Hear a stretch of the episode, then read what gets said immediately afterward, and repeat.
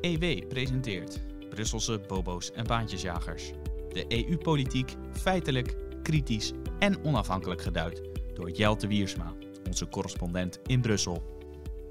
Nu in Nederland en veel andere Europese landen een avondklok is ingesteld, wordt de roep om snelle vaccinatie tegen het coronavirus steeds luider.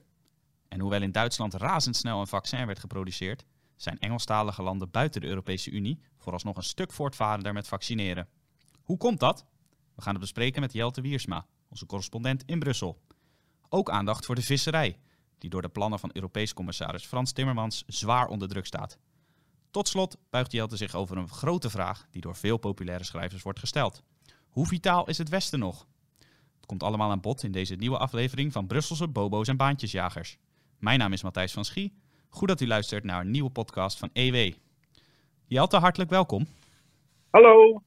Wij uh, spreken elkaar nu een dag nadat de Tweede Kamer akkoord is gegaan met een avondklok. Een heel ingrijpende maatregel die uh, mensen uh, pessimistisch zal stemmen. En het doet ons des te meer snakken natuurlijk naar een snelle vaccinatie, zodat de samenleving weer open kan. Maar het lijkt erop dat dat nog wel even zal gaan duren, want het vaccineren gaat, zeker in Nederland, niet bepaald van een leien dakje. Ligt dat alleen aan onze eigen regering of heeft het ook iets te maken met de besluiten in Brussel? Ja, dat is een goede vraag. Wat er gebeurd is de laatste maanden is toch wel opmerkelijk in Brussel. Uh, we hebben gezien dat, uh, na, uh, dat in het voorjaar landen in paniek, hè, toen de eerste lockdowns werden doorgevoerd, in paniek hun grenzen dicht gooiden, ook naar andere EU- en andere Schengenlanden. Dat het toch was allemaal voor onszelf. Hè? Dus elk land ging zijn eigen beleid voeren. Daar hebben we het in deze podcast eerder ook over gehad. Uh, van EU-eenheid, daar was absoluut geen sprake. Elk land ging zijn eigen mondkapjes inkopen en zijn eigen beschermingsmaterialen binnenbrengen. in België was het zelfs zo dat, vriend, omdat iemand daar bevriend was met de topman van Alibaba, uh, dat er allemaal uh, dat er een speciaal vliegtuig vol met beschermingsmiddelen via die route werd ingevlogen. Dus mensen gingen hun privé-netwerk, laten we zeggen politici, nationale politici, hun privé-netwerk ook inschakelen om ervoor te zorgen dat hun, land eerder middelen kreeg dan een ander land. Dus tot zover de Europese eenheid, wat mij betreft. Um, nou, daar is uh, een reactie op gekomen van dat, dat niet meer. Dat hebben alle regeringsleiders uh, afgesproken van de 27 EU-landen. En um, uh, dat heeft ook wel een aantal consequenties gehad. Een van de consequenties daarvan is dat uh, de Europese landen, de Europese Unie-landen specifiek, veel later zijn begonnen met vaccineren dan bijvoorbeeld niet-Europese Unie-landen zoals het Verenigd Koninkrijk. En daar zit nog wel een verhaaltje achter. Want wat is er gebeurd? Uh, Der Spiegel, het Duitse collega-blad van uh, ons, heeft dat uh, nog eens blootgelegd. Ehm, dat je hebt het Duitse bedrijf BioNTech, opgericht door twee Duitsers met Turkse wortels, een echtpaar. Geweldig succesvol bedrijf. Die hebben in korte tijd hebben die uh, een vaccin kunnen ontwikkelen. Dat uh, uh, vaccin kunnen zij ook produceren in Duitsland, snel en in grote hoeveelheden. Dat vaccin is het eerste dat wereldwijd is goedgekeurd door serieus te nemen medicijnautoriteiten.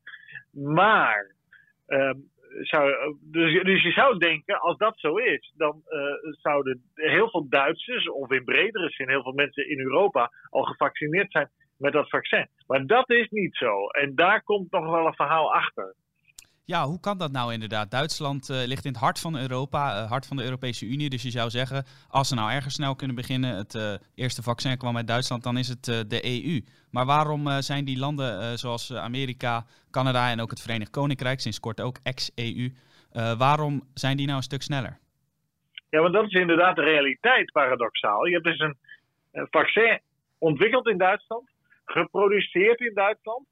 Maar waar wordt het gebruikt? In de Verenigde Staten, Canada en het Verenigd Koninkrijk. In het Verenigd Koninkrijk is nu bijna 8% van de bevolking uh, gevaccineerd. Nou, uh, op het Europees continent ligt het veel en veel lager. Ja, uh, wij zitten op een en... half procent, dat is wel heel erg laag. Maar elders is ja, het ook niet heel veel beter.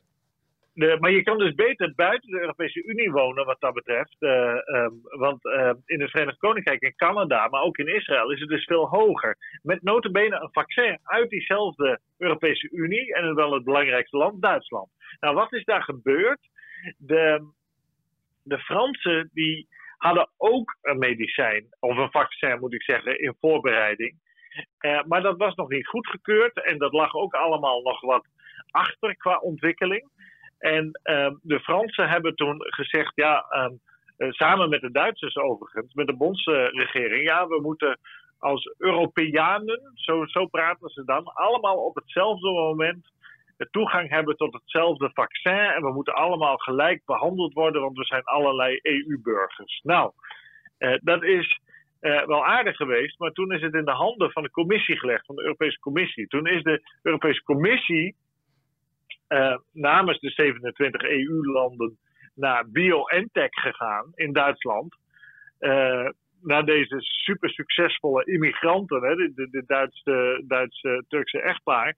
En gezegd van ja, kijk, uh, wij willen uh, jullie vaccin wel kopen, maar niet in te grote hoeveelheden. En we willen ook niet te veel betalen, want ja, er komen andere vaccins straks aan, zoals het Franse. En uh, ja, dan kopen we het daar wel. Dus jullie moeten blij zijn dat wij bij jullie aankloppen om um, die vaccins te kopen. Maar um, ja, de Amerikanen en de Britten en de Canadezen, die zijn meteen naar BioNTech gegaan en hebben gezegd: wij willen zoveel mogelijk van jullie vaccins hebben. Um, dus alles is verkocht aan uh, de Engelstalige uh, landen. Uh, en toen Duitsland en de andere EU-landen aanklopten bij BioNTech, omdat het allemaal langer duurde in bijvoorbeeld Frankrijk om dat vaccin te ontwikkelen, toen bleek dat ja, het grotendeels op was. Want BioNTech had het dus al verkocht aan, aan anderen die wel snel handelden en wel wilden betalen. En de oprichter van BioNTech, de, de, de, de Duits-Turkse meneer Sahin, die heeft dat uh, in geuren en kleuren verteld in de Spiegel. En het is echt zo pijnlijk. Dus je kan je bijna niet voorstellen hoe stom je kan zijn. Um, um, je hebt zelf de productie. De productie zit deels ook in Puurs. dat ligt vlak bij België, of bij Brussel. Daar wordt ook het duvelbier gemaakt. Dus daar, daar, heeft Pfizer, het Amerikaanse bedrijf waarmee BioNTech heeft samengewerkt. Maar goed, de, de basiskennis komt uit Duitsland. produceert daar ook. Dus er gingen vliegtuigen naar, naar, naar de Verenigde Staten toe met, met vaccins en naar het Verenigd Koninkrijk. Die vlogen dus weg uit de Europese Unie. terwijl Um, als de EU zich er niet had mee bemoeid, dan had zeker een land zoals Duitsland, maar ook België en andere, hadden veel meer mensen ook kunnen vaccineren met dit uh, BioNTech Pfizer uh, vaccin.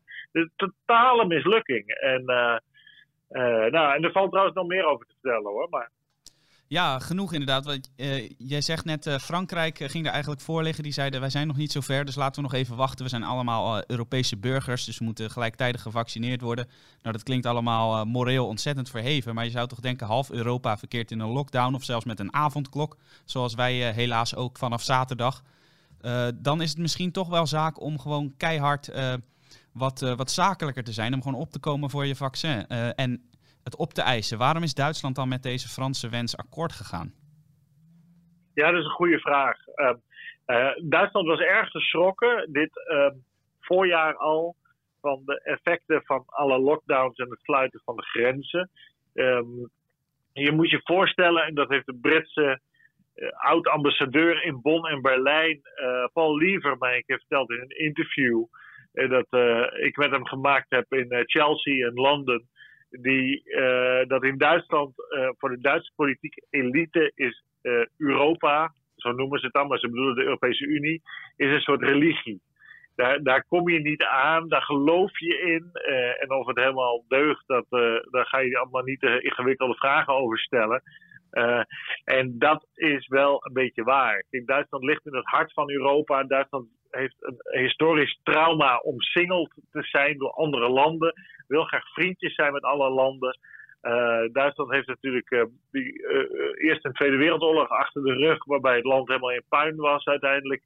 En is dankzij ook die Europese Unie, zo wordt dat daar gevoeld, er weer bovenop gekomen. Het zijn belangrijke exportmarkten en productieplaatsen plekken voor Duitse industrieën, andere EU-landen. Dus er zijn allerlei redenen waarom zij als het puntje bij paaltje komt altijd vanuit het Europese perspectief, zo noemen ze dat dan, maar ze bedoelen het EU-perspectief. En dat is heel vaak aangegeven, die toon althans, door Frankrijk en in mindere mate Italië.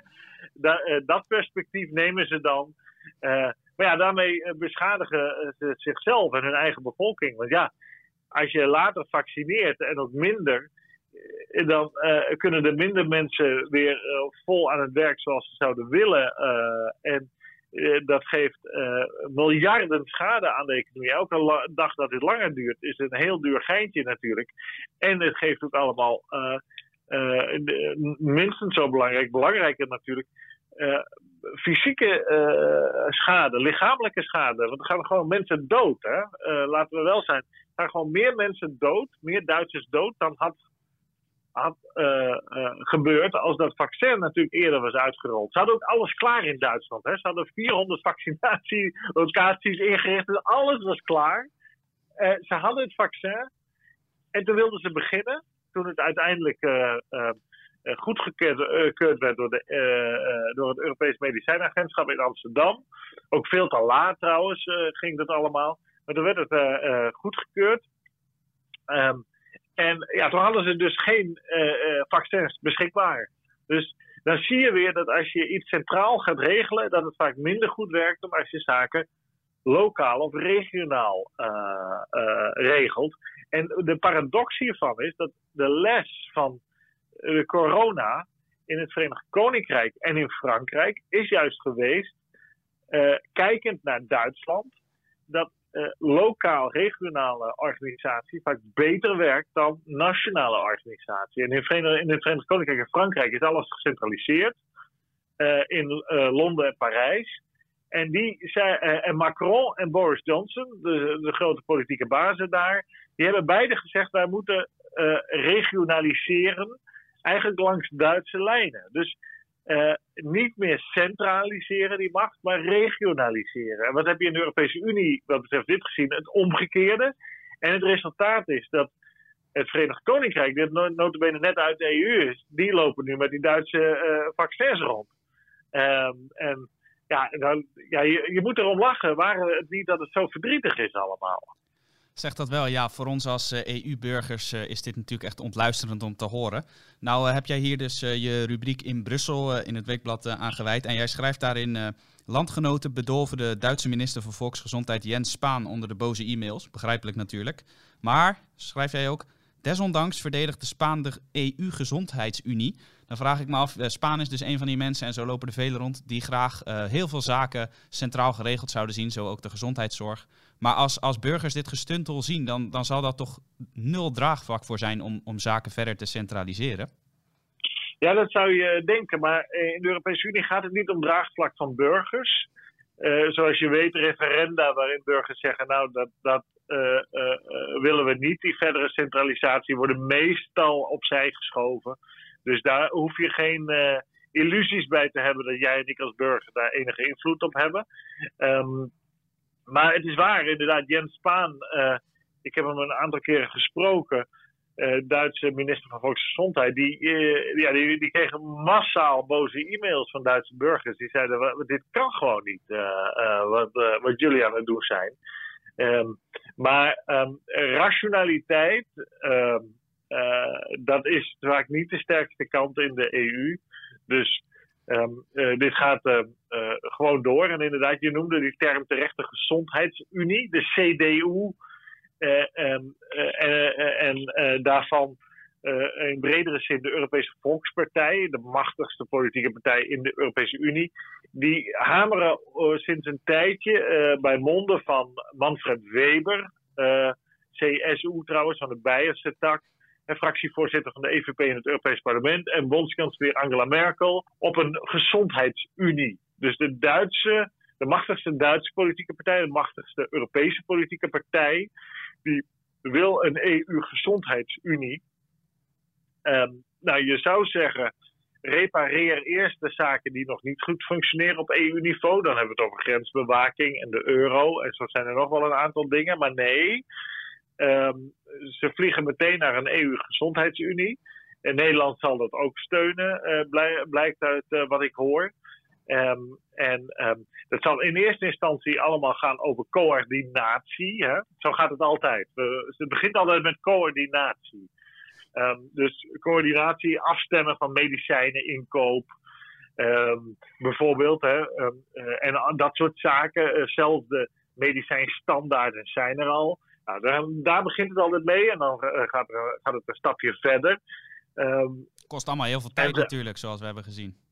Ja, maar de, dat is, dat, de EU heeft een lange adem. Het kan wel 40 jaar duren voordat zoiets een beslag krijgt.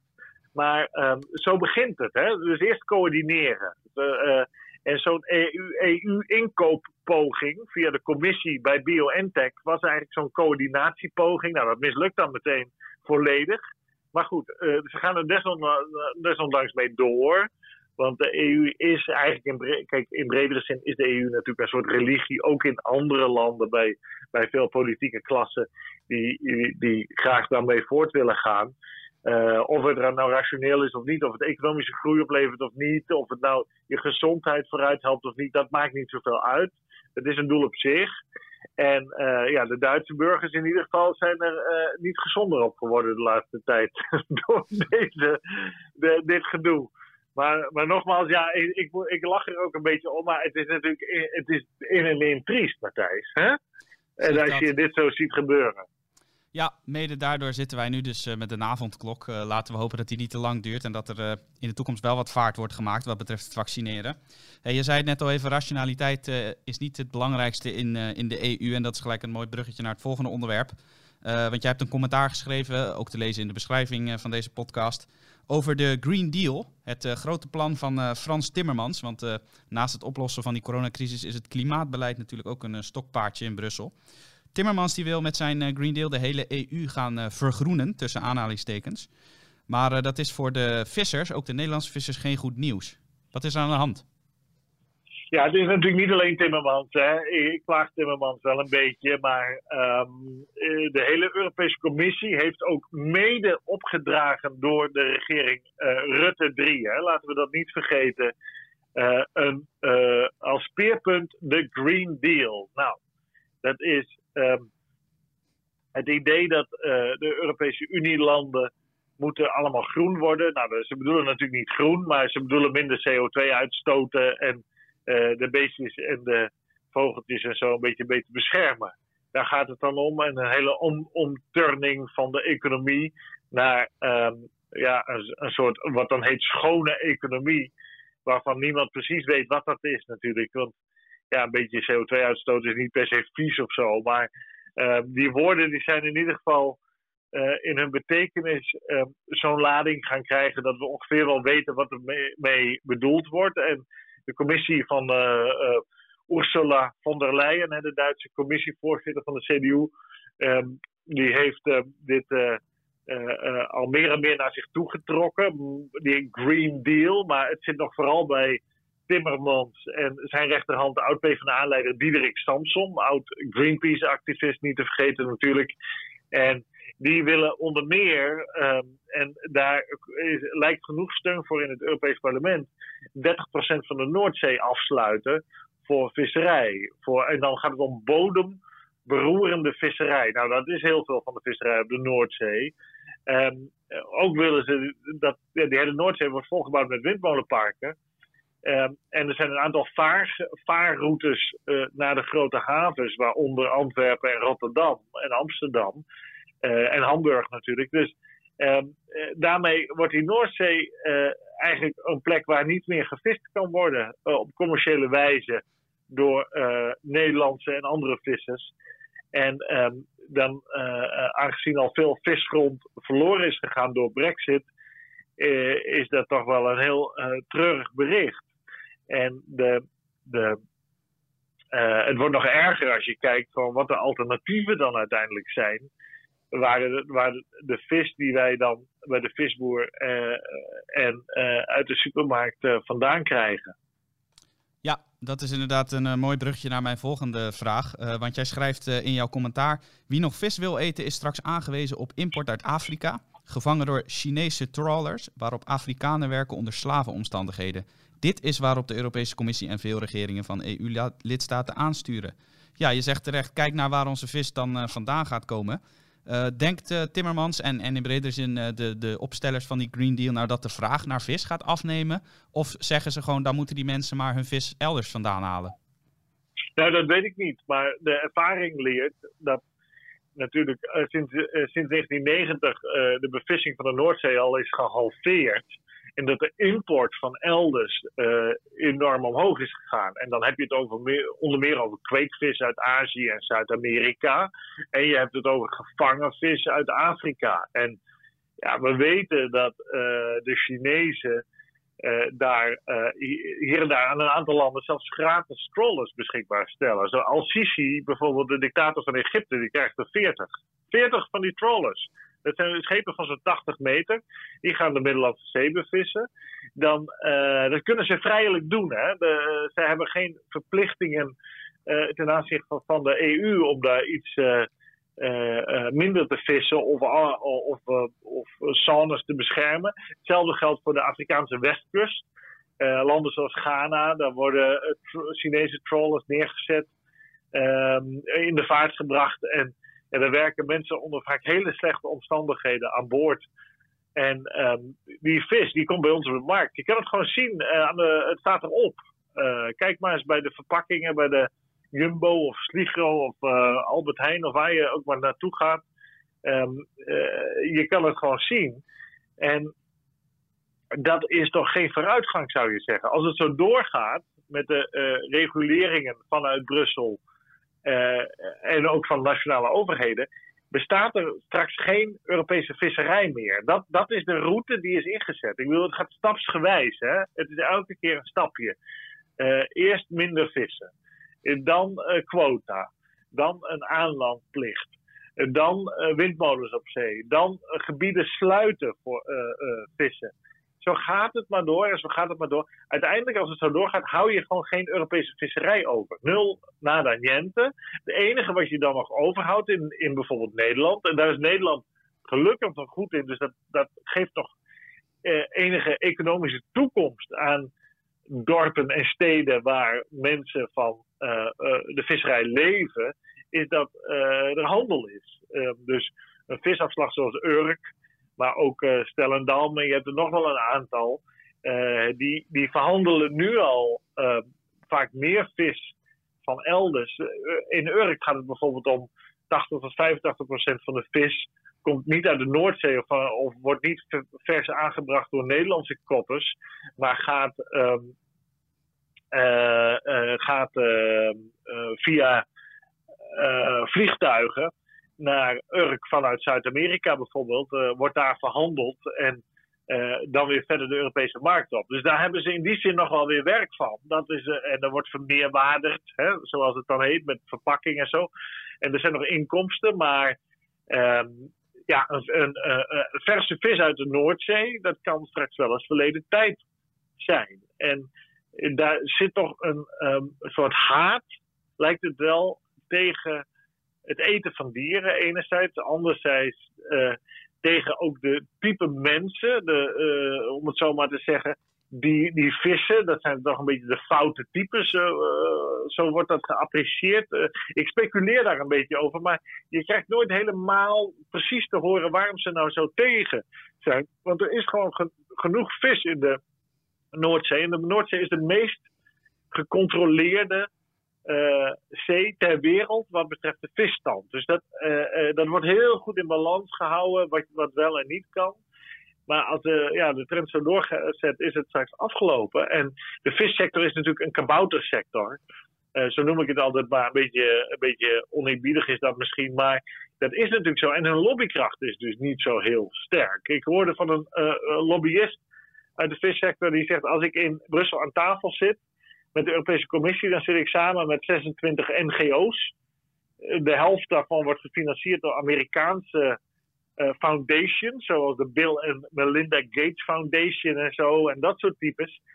Ja, daar kan je gewoon niet tegen op. Dus daar zit zo'n hele kleine sector en economisch heeft het natuurlijk ook maar, maar geen impact voor het hele land. Hè. Als je kijkt, Nederland heeft een nationaal inkomen van 812 miljard euro per jaar. Ja, dan een vis is, de sector is 1 à 2 miljard. Ja, dat, daar gaat politiek Den Haag geen oorlog over voeren. Uh, in Brussel of elders. Want uh, er valt gewoon te weinig winst te behalen. Dan zijn er belangrijke thema's om wel oorlog over te voeren, waar meer geld te winnen is. Dus uh, ja, dat is een heel treurig verhaal. En het is dus de stoomwals van de macht die geen rekening houdt um, met de kleine minderheid. En um, ja, ik vind het een verdrietige kwestie. Zeker, vooral eh, voor de, voor de vissers onder meer op Urk, zoals je zei, is dat uh, treurig nieuws.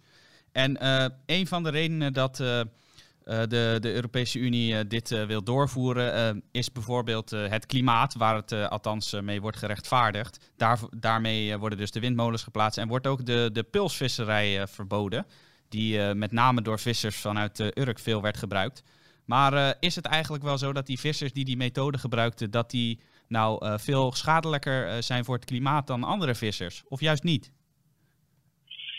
Nou wat schadelijk is voor het klimaat of niet, dat weet ik niet. Maar in ieder geval, we weten natuurlijk dat eh, het Europees Parlement en de Europese Raad, de, en dan heb ik het over de Landbouwraad, de ministers van Landbouw en Visserij in de Europese Unie, die hebben een geweldige techniek, de pulskor, verboden, waardoor um, uh, deze bodemberoerende korren, want zo gaat dat, hè, die worden over de, door de bodem gesleept van de Noordzee en zo worden bijvoorbeeld platvissen gevangen.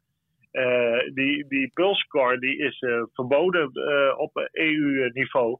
Terwijl ja, het brandstof van een, een kotter halveert dan brandstofverbruik, want het over de zeebodem trekken van zo'n oude boomkor, heet dat dan, is erg energieconsumerend. Terwijl die pulscore die, die hangt eigenlijk boven min of meer de zeebodem. En die geeft elektrische schokjes, waardoor de vissen uit die bodem komen in de kor. En daarmee wil je de zeebodem ook minder om.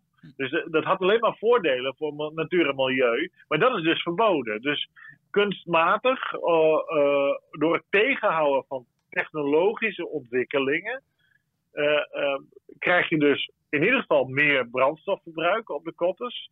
Dubbele van normaal. Dubbele, hè? dat zijn serieuze cijfers. En je krijgt meer bodemberoering. Dus ja, um, als je dat ziet en als je dat weet, dan weet je eigenlijk ook dat um, groen of natuur of milieu kennelijk niet de reden is om uh, die visserij het leven zo moeilijk te maken. Maar dat er krachten aan het werk zijn die uiteindelijk tot doel hebben, en die, die, die zijn er natuurlijk, we weten dat er vanuit de groene partijen de ambitie bestaat om gewoon een einde te maken aan die visserij. Dus het is niet mysterieus of zo, je kan het gewoon allemaal waarnemen. En dat die hun ingang hebben gekregen, ook bij de socialisten en de liberalen, die interesseert visserij ook niet heel veel. dus zo, zo gaat dat langzamerhand, gaat die sector worden fijngeknepen op volstrekt oneigenlijke en onlogische gronden. Um, heel pijnlijke episode.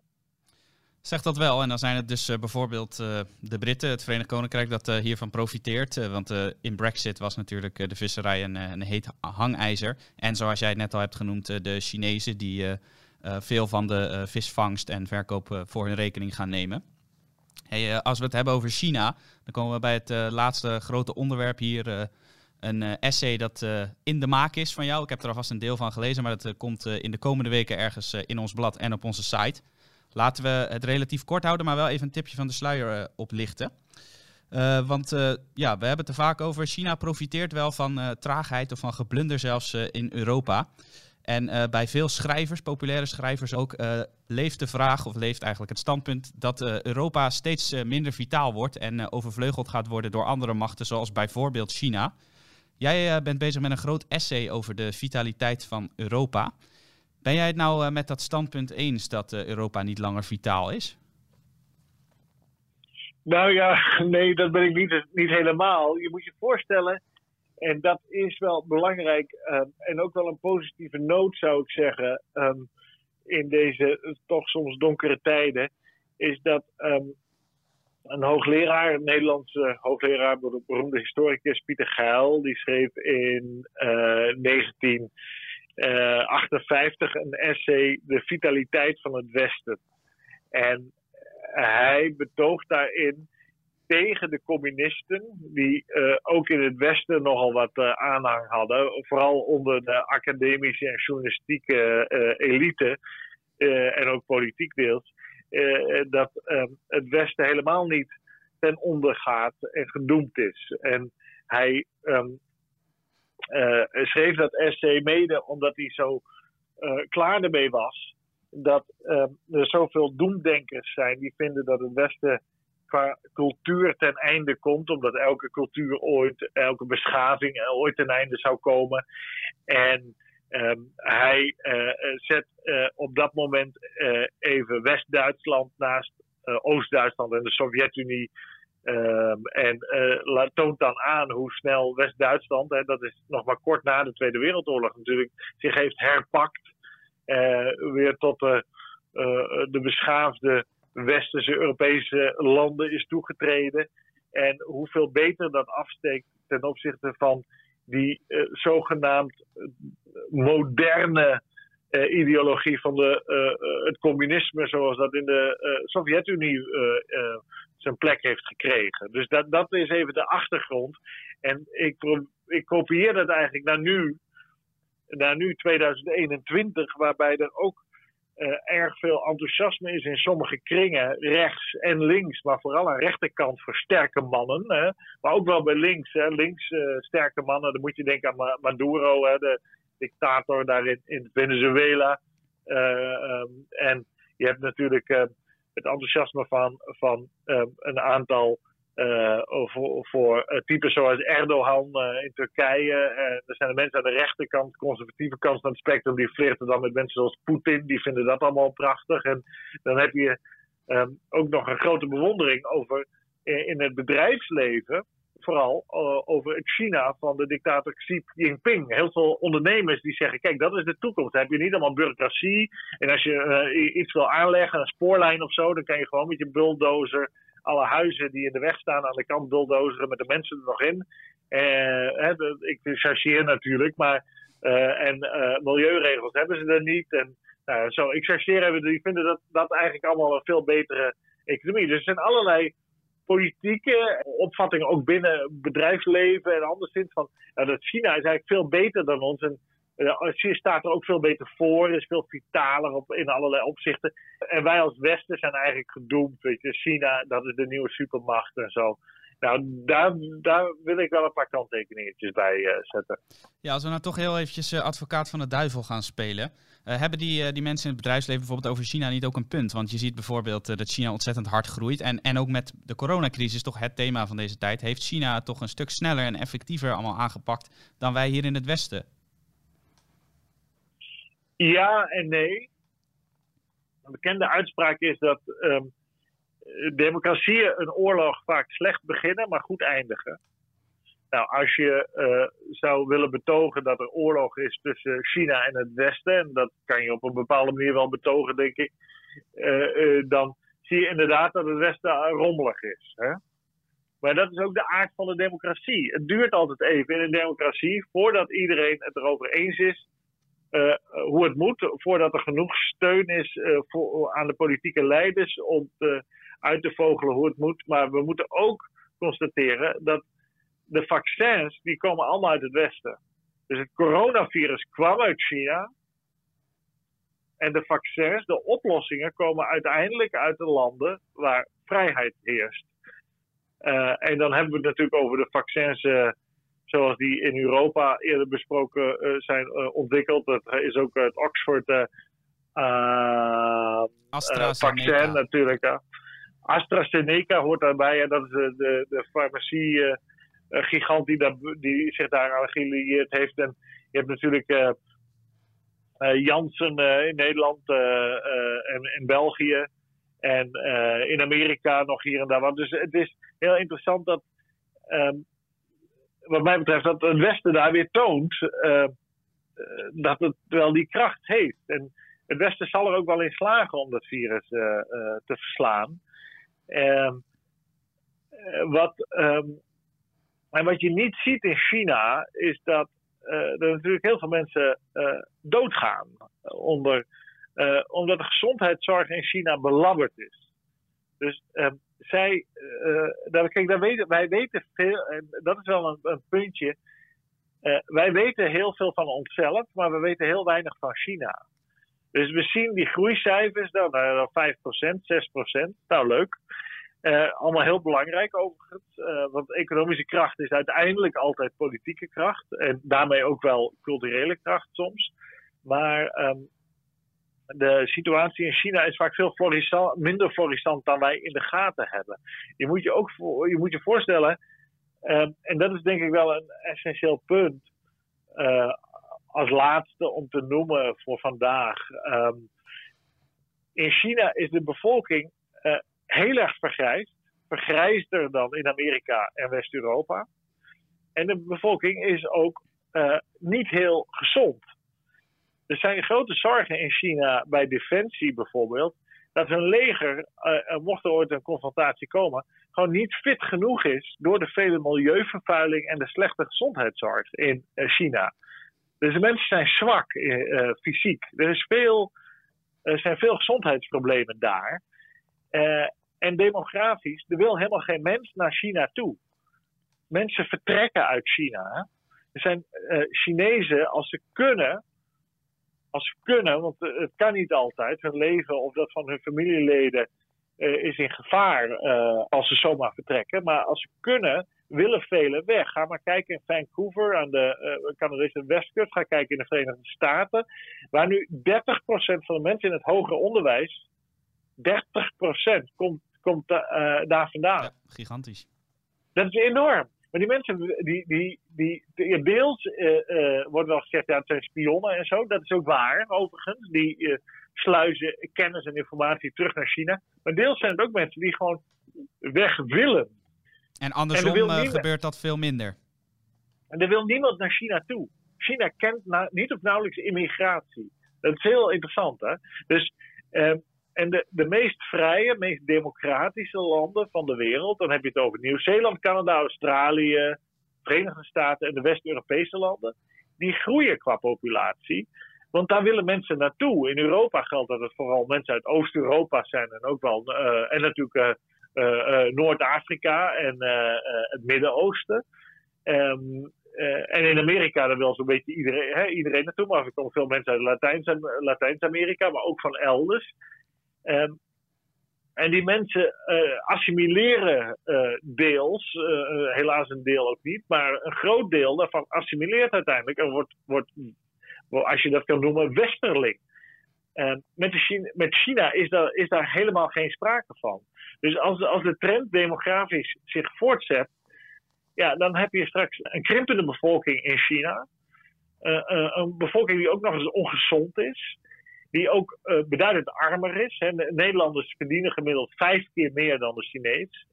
Amerikanen zes keer meer.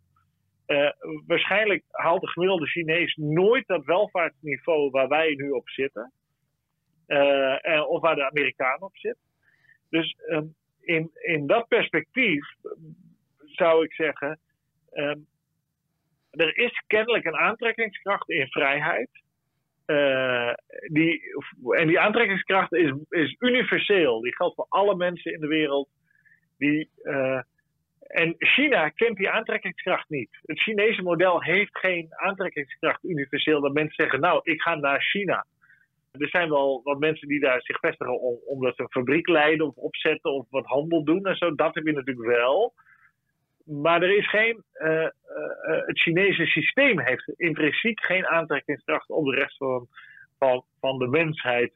Als je ziet hoe zij kiezen en mensen stemmen met hun voeten. En ja, als je daarnaar kijkt, dan is de toekomst meer, eerder aan de vrije democratische wereld. En dan vooral West-Europa, Amerika, Noord-Amerika, Australië, Canada en Nieuw-Zeeland. En, niet aan China. Nou, dat vind ik een heel mooie en hoopgevende laatste woorden om deze podcast in toch donkere tijden mee af te sluiten. En dit was slechts een voorproefje, zoals gezegd, van dat essay wat in de maak is. Ik heb het al mogen lezen en het is een aanrader. Dus houd deze podcast en ook onze website in de gaten. En dan zult u het kunnen lezen. Als u geen abonnement heeft, dan moet u dat uiteraard nemen. Via onze website ewmagazine.nl kan dat. Uh, Jelte, we zijn aan het einde gekomen van deze podcast alweer. Met als gezegd, uh, ondanks de vele nare berichten van avondklokken en lockdowns, toch een, een, positief einde. Want ons motto is naast eerste feiten ook optimistisch, opgewekt en ondernemend. Dus laten we dat ook vooral blijven. Jelte, hartelijk dank voor jouw bijdrage. Graag gedaan. U ook hartelijk dank voor het luisteren. En alle sterkte en alle goeds gewenst. Graag tot de volgende keer. Hartelijk dank voor het luisteren naar de podcast van EW. Wilt u niets missen? Abonneer u dan in uw favoriete podcast-app, bijvoorbeeld Spotify of iTunes, door te zoeken op EW. U kunt ook luisteren op onze site via ewmagazine.nl/podcast.